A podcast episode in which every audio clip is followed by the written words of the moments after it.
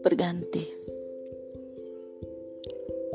dalam kehidupan ini, semua silih berganti. Waktu terus berjalan, langkah harus selalu berlanjut. Cerita berlalu,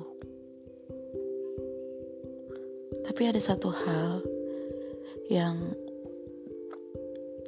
tak ingin tergantikan, seperti kamu, misalnya. Tapi hati ini mulai paham, yang pergi bukan milikmu, yang hilang bukan untukmu. Selamat pagi, hati yang tenang.